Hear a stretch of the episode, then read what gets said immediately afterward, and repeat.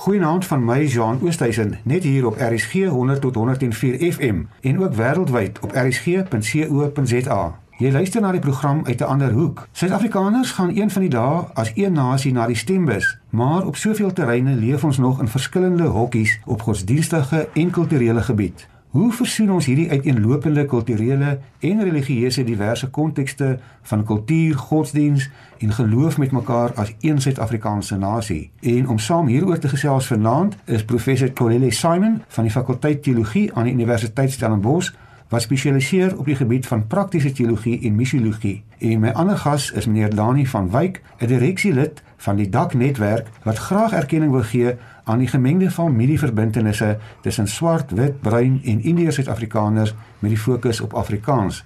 Goeienaand Dani en Kolile, baie welkom aan albei van julle. Goeienaand. Goeienaand Jean. Dani en Kolile, as ons so kyk na die drie van ons wat nou hier om die tafel sit, dan sien jy mens iets van die diverse agtergronde van ons land se mense. Wit, bruin, swart, maar ons land se diversiteit is veel meer as net kleurdiversiteit. Daar is ook godsdienstdiversiteit, kultuurdiversiteit en taaldiversiteit om maar net 'n paar te noem. Kolile, dit verg nogal seker 'n bietjie werk om die loetjie bymekaar te hou nie waar nie, want die verskille is soms so groot dat mense maklik geneig is om net vanuit hulle eie hoek na mense om hulle te kyk. Hoe belangrik is 'n dialoog tussen hierdie verskillende diverse groepe? Jan, jy is reg. Eh, die diversiteit is ek dink wat ons as Suid-Afrikaners gewoond aan is en ons ervaar dit omtrent elke dag in so. So dis hoekom is 'n baie belangrike vraag om te kyk dan hoe mense reageer op hierdie uh, diversiteit.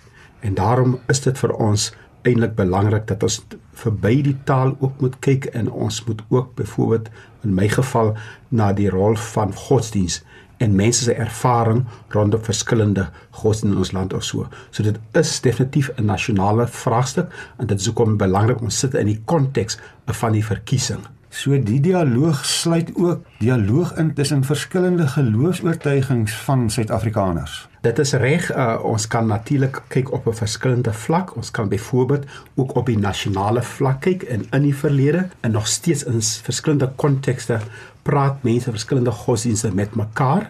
Hulle is betrokke by sosiale vraagstukke. So dit is eintlik iets wat wil gebeur op die grondvlak en so. Dani, vanuit jou hoek, hoe belangrik is hierdie dialoog van ons verskillende hoeke? Jy is 'n sogenaamde bruin man, maar in die gemeenskap waaruit jy kom is daar ook 'n groot mate van diversiteit in terme van godsdiens, ekonomiese bemagtiging, taal ensovoorts. Jania, dit is korrek. Dis 'n feit dat ons vanaf 'n uh, gedeelde agtergrond kom en dat dit belangrik is dat ons die diversiteit moet omarm en dit nie sien as iets wat ons moet verdeel nie. Uh gegee die agtergrond waarvan ons kom, is dit belangrik dat ons moet fokus op wat dit ons in gemeen en nie wat verdeel ons nie. En ek dink as ons dit as 'n vertrekpunt gebruik, kan ons baie makliker en gouer uitkom by 'n hele proses van 'n rekonsiliasie of dan nou versoening om juis hierdie kwessies as mense sou kan stel aan te spreek waar dit gaan om geloof, kultuur, godsdiens en dies meer. Ek moet egter sê dat van die gemeenskap waar ek kom, is daar nie ernstige kwessies rondom geloof nie. Ons sal byvoorbeeld vind dat in dieselfde families is daar Christenmense en daar is moslim mense. In my familie byvoorbeeld is daar mense wat uit die moslim geloof kom en ook Christene. En ons het daar is geen niks wat ons basies van mekaar verdeel nie dit is iets wat ons ook natuurlik nader na mekaar trek as familielede, as mense en as groepe. So ek sou sê ons het baie meer in gemeen in die land uh, in terme van godsdienst en kultuur as wat dit is wat ons verskil, Shaar. Jy het nou verwys na die gedeelde belange en dan wil ek miskien sommer vir Kolile ook vra, wat is dit dan Kolile wat ons Suid-Afrikaners aan mekaar bind want hoewel die meeste Suid-Afrikaners sê hulle is Christene, kan dit tog nie godsdiens wees nie want hier is Christene, hier is moslems, hier is Jode en ook ongelowiges. En selfs Christene is op verskillende maniere onderling verdeel. Wat bind ons as Suid-Afrikaners en as mense dan saam? Ja, dit dis 'n belangrike vraag eintlik. Uh, dis hoekom uh, as ons kyk na die verskille in gemeenskappe, soos Daniel nou verwys het, tog het mense 'n lang pad saam met mekaar gestap. En en maar terug as 'n mens 'n bietjie dieper kyk, dan kom mense agter daai mense is ook nie gehelp in die proses om letterlik hierdie diversiteit uh, eintlik 'n goeie bate te maak wat hulle kan uh, sambind nie. So as ons dan kyk wat mense kan sambind onder die godsdienste is waar hulle konkreet saamwerk in byvoorbeeld sosiale projekte en so. So die verdeeldheid kom net wanneer mense begin teruggryp na hulle inhoudelike godsdienst wat hulle glo en daar begin word hulle verdeeld in so. Maar die die gemeenskaplike faktor is nog goed wat 'n mens moet aanwerk. En baie keer is dit sosiale vraagstukke van buite die geloofsgemeenskappe. So ek dink dis eintlik daai daai gemeenskaplike faktor. Kyk 'n bietjie buite jou eie geloofsgemeenskap gaan werk saam met iemand in 'n ander geloofsgemeenskap en so. En op daai manier kan ons die vraagstukke in die samelewing aanspreek en ook die nasionale vraagstuk en so. Byvoorbeeld die vraagstuk oor oor armoede, die vraagstuk oor geweld. Jy weet, dis soms ook die negatiewe goeters wat ons eintlik saambring by mekaar het en so, maar nie die een identiteit as Suid-Afrikaners nie. Want mense baie keer reageer ook uh in terme van hulle vrees vir die onbekende omdat ons so vir jare in uh, apart gebly het of so. Dis dis die eerste reaksie. Danie stem jy saam dat dit ook een van die belangrike dinge is dat 'n mens bietjie weier as mense eie oortuigings moet kyk wat ook al die oortuigings is. Ja, ek stem absoluut saam met Corrie. Ons moet daarin waak dat ons nie te veel fokus op wat ons verdeel nie. Maar daar is definitief kwessies in verskeie gemeenskappe wat ons almal raak. Jy het nog genoem byvoorbeeld armoede ken geen kleur nie. Ons kry armoede in alle gemeenskappe. Ons kry in gemeenskappe waar daar mense is wat werklik hulp nodig het, nie net in terme van fisies waar hulle woon nie. Ons het byvoorbeeld die hele kwessie rondom die informele woonbuurte waar mense hulle vir hulle hokkie opslaan en daarin woon om, om dan ook 'n bestaan te maak. Wat is ons bydrae vanaf ons kant om daai mense te help om te kyk of ons op 'n mate of tot 'n mate hulle lewenskwaliteit ook kan verbeter deur 'n uitreik aksie deur seker te maak dat mede-Suid-Afrikaners wat swaar kry en sukkel ook iewers hulp moet kry of hulp moet bekom om hulle standaard van lewe ook te verhoog. Desmond Tutu het altyd gepraat van die reënboognasie, maar as jy mens kyk na al die verskille en konflikte tussen die verskillende groepe en gelowe ook, dan lyk dit soms of daar nie 'n pot goud aan die einde van die reënboog is nie, maar eerder 'n bom wat wag om te ontplof. Kolele, die reënboognasie, is dit net 'n illusie bestaan hy? Ja, en my is 'n illusie, is 'n idee, is 'n vorm van idealisme. Hmm. En dit is hoekom uh, mense nog steeds verskil reageer op Suid-Afrikaanse konteks. Dit is net 'n bewys die reënboognasie is nie 'n samebindende faktor nie, maar dit is regtig 'n 'n illusie, dis 'n ideaal, jy weet, dis 'n gedagte, maar in realiteit werk dit nie so nie. Ek stem absoluut saam met Collie is dat die die gedagte van 'n reënboognasie was juis geskep teen 'n agtergrond destyds toe ons so ver, verskriklik verdeeld was en daar een of ander wyse gevind moes word om ons almal as Suid-Afrikaners soort van in in lyn te kry om te laat besef ons is nou een nasie en ek dink daai illusie is besig om te verdwyn. Uh die hele kwessie rondom is ons 'n reënboognasie is ons nie meer 'n reënboognasie nie en dit is iets waaroor ons moontlik ook kan gesels stadium. Kollegie, as ons kyk na religieuse diversiteit, elke godsdiens glo hy is reg en as ons eerlik wil wees, dan weet ons daar's geweldige groot verskille tussen die Afrika inheemse godsdienste, die westerse Christelike Christendom, tussen Christene en Moslems en voeg daarbey 'n al hoe groter wordende deel van die samelewing wat heeltemal sekulêr is. As almal van hierdie groepe nou dink hulle is reg, waar begin 'n mens met so 'n gesprek? Ja, dis reg. Dis juist die vraag van wat is reg kry mense en ons kan eintlik ook dan byvoeg die vraag oor die waarheid. Dis mens eintlik waaroor mense gewoonlik ook praat en so. So ek dink waar 'n mens eintlik dan moet begin, ek dink daar is ek dink drie vlakke dat 'n mens tog net erkenning gee waar mense juis pogings aanwend om met mekaar mekaar te begin praat. In die een plek is gewoonlik is dit tog dat die geloofsgemeenskappe of dit nou leiers is of dit nou individue is op 'n manier is hulle in aanraking met mekaar. So dis die plek waar ons moet ook aan dink. En wat dan daar gebeur is net waar individue eintlik 'n pad met mekaar stap of leer by mekaar of verander. Maar daai is een vlak. Die ander vlak is ook dan die uh, die politieke vlak En die vraag is gewoonlik, wat is die rol dan van die staat in die regering wanneer dit kom by religieuse diversiteit? En hoe en tot hoe mate betrek hulle die leiers en waarvoor? En baie keer is dit om die agenda van die regering te dryf. Wat ook reg is want die vraagstuk oor versoening gaan dan ook oor die sosiale strukture wat ook 'n rol speel, 'n faktor is of mense met mekaar versoen of nie. En 'n mens kan byvoorbeeld dan net ook die die landvraagstuk oor so. So met ander woorde die landvraagstuk is ook 'n ruimte wat die regering kan gebruik en hulle doen dit ook so om die godsdienstleiers bymekaar te kan kry, Christensleier, Moslimleiers, leiers van Afrika tradisionele uh, godsdienste. So die vraag oor wat reg is en die vraag oor die waarheid moet ons nie ook sien net soos Reënboog Nasie as 'n idee nie. Dis ook 'n praktyk. Mense wil weet of dit gaan vir my werk en dit hoe mate het te doen met my eie godsdienst en so. So of soms die vraag oor die oor die oor die oor die, oor die waarheid kan ook 'n konkrete vraagstuk word rondom so. So Daniel, ek dink daai net twee van die van die vlakke. Maar die derde vlak weet ons ook, daar is mense wat werk in kontekste van spanning en konflik om op 'n manier vrede te bereik. En daarom is daar ook organisasies buite die godsgeloofsgemeenskappe, organisasie buite die politiek wat eintlik ook 'n ruimte skep waar mense van ander gelowe bymekaar kan kom in so. So ek dink Daniel, uh daai vraagstuk oor reg en die waarheid is altyd daar, maar ons sal ook moet fokus oor wat ons gemeenskaplike geleenthede is en ook ons gemeenskaplike uitdaging. Dis in daai praktyk wat mense eintlik verby hulle eie standpunte kan beweeg en dan ook ingelig word en te kan leer by ander. So dis verskillende vlakke waar 'n mens met die vraag vra in terme van ons is divers is, uh, wat maak ons met ons eie uh, vraagstukke. Dani, jy het nou-nou verwys na die groot mate van verdraagsaamheid uit die gemeenskap waaruit jy uitkom en ek het dit er ervaar op tussen byvoorbeeld moslems en Christene. Wat is die geheim? Is dit omdat hulle saam bly, mekaar van vroeg af leer ken het as mense? Wat is die geheim dat dit so goed werk? Ek dink Jean dat dit baie lank aanloop. Ons kom met 'n agtergrond waar ons uit die verskillende gelowe in ons gemeenskap, die gemeenskap van waar ek is, ons altyd op mekaar aangewese was.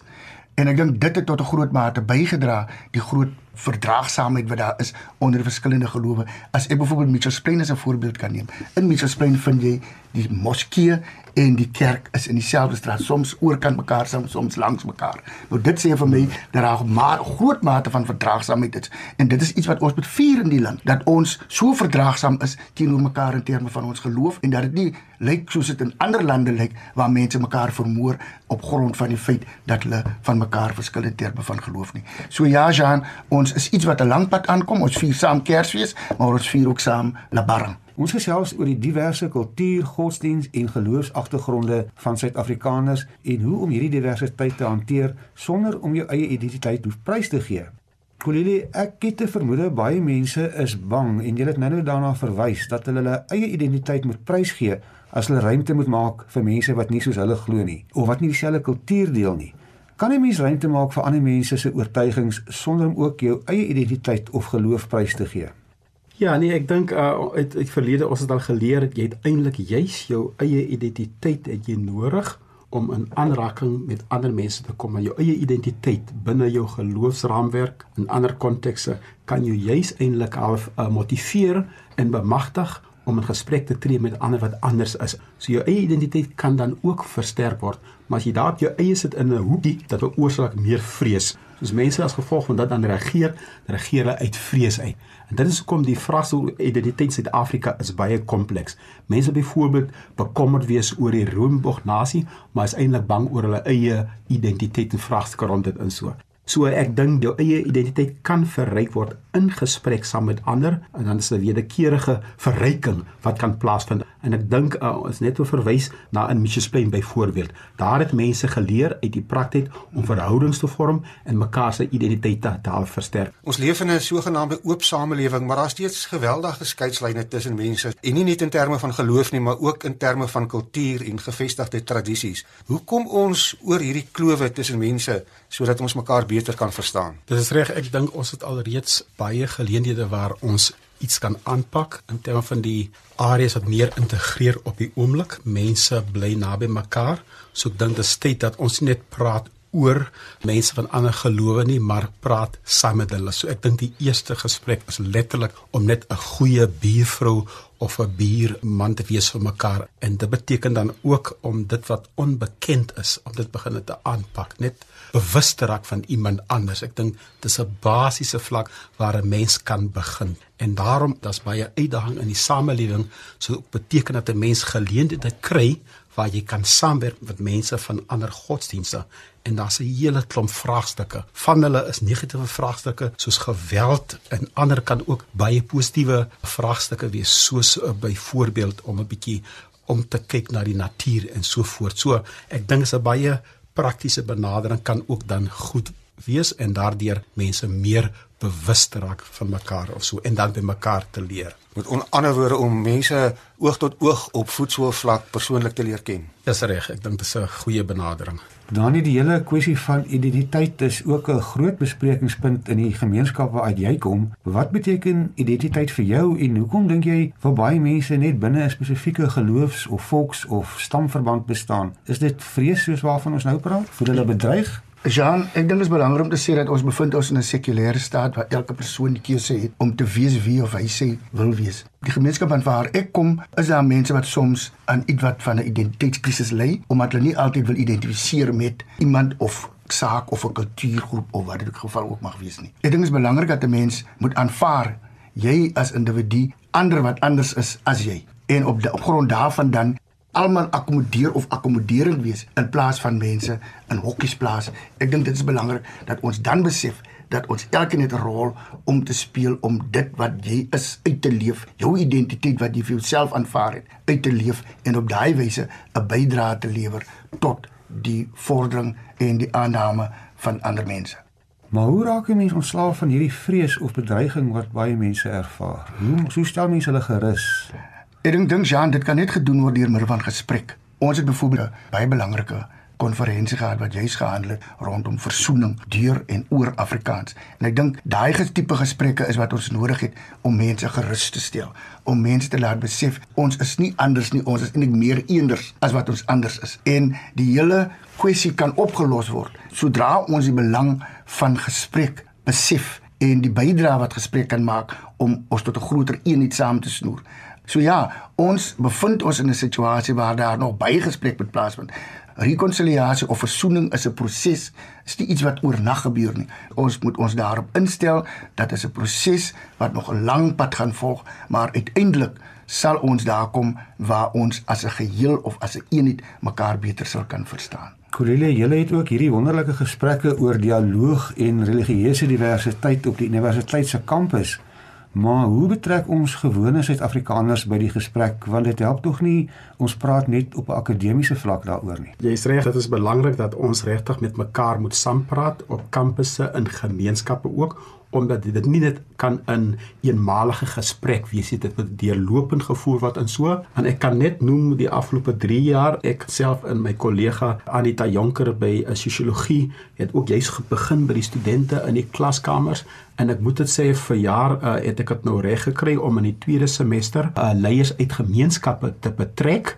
Moslim leiers uh, christen leiers ook Afrika die hele konteks om net te kom begin te praat uit hulle eie ervaring uit so die studente ook konkreet in gesprek met hulle kan loop en so. Dis net een een een voorbeeld, maar ek dink binne ons eie konteks is daar baie baie geleenthede waar die universiteit en gemeenskap met mekaar kan saampraat maar ek moet dit dan ook sê dit moet net nie gaan oor sosiale vraagstukke nie want baie keer het jy mense wat eintlik geloofs-oortuigings wil hê so ons jy's ook ruimte maak dat hy geloof-oortuigings ook ter sprake kom want anders te help ons nie weer die mense om dit in so nie Dani hoe bring mense hierdie gesprekke grondvlak toe na gewone oom Jan en tannie San wat nou vir die radio sit en luister en nie net op akademiese vlak en by konferensies nie. Hoe betrek jy mense gewone mense? Jean, baie van ons mense is kerkgangers en uh, ek dink die kerk kan 'n baie groot rol speel in hierdie hele versoeningsprojek as 'n mens dit sou kan stel. Ek kry soms die gevoel dat die kerk nie altyd teenwoordig is nie. Ek glo dat die kerk daar kan vir oom Jan en en dan Sunny bewus maak van hierdie kwessies wat ons nou aanspreek en op grond daarvan mense of 'n bewuswording kweek om dan te kyk hoe kan ons almal aangewend word om uiteindelik meer hierdie gesprek meer of groter op die tafel te plaas as wat dit tans die geval is. Kolile, Dani praat nou van kerke en geloofsgemeenskappe. Dink jy dat hulle doen genoeg op plaaslike en gemeentevlak om hierdie diversiteit kan ek maar sê aan te moedig Want as mense na party mense luister, dan sit 'n mens juist met daai probleem, net hulle is reg en hulle wil nie met ander gelowe of mense wat nie glo nie in gesprek tree nie. Ja, ek dink daar's twee kante in die saak. Aan die een kant, soos ons al reeds gesê het, ons gewone, kom ons sê maar lidmate is in kontak met hierdie diversiteit elke keer.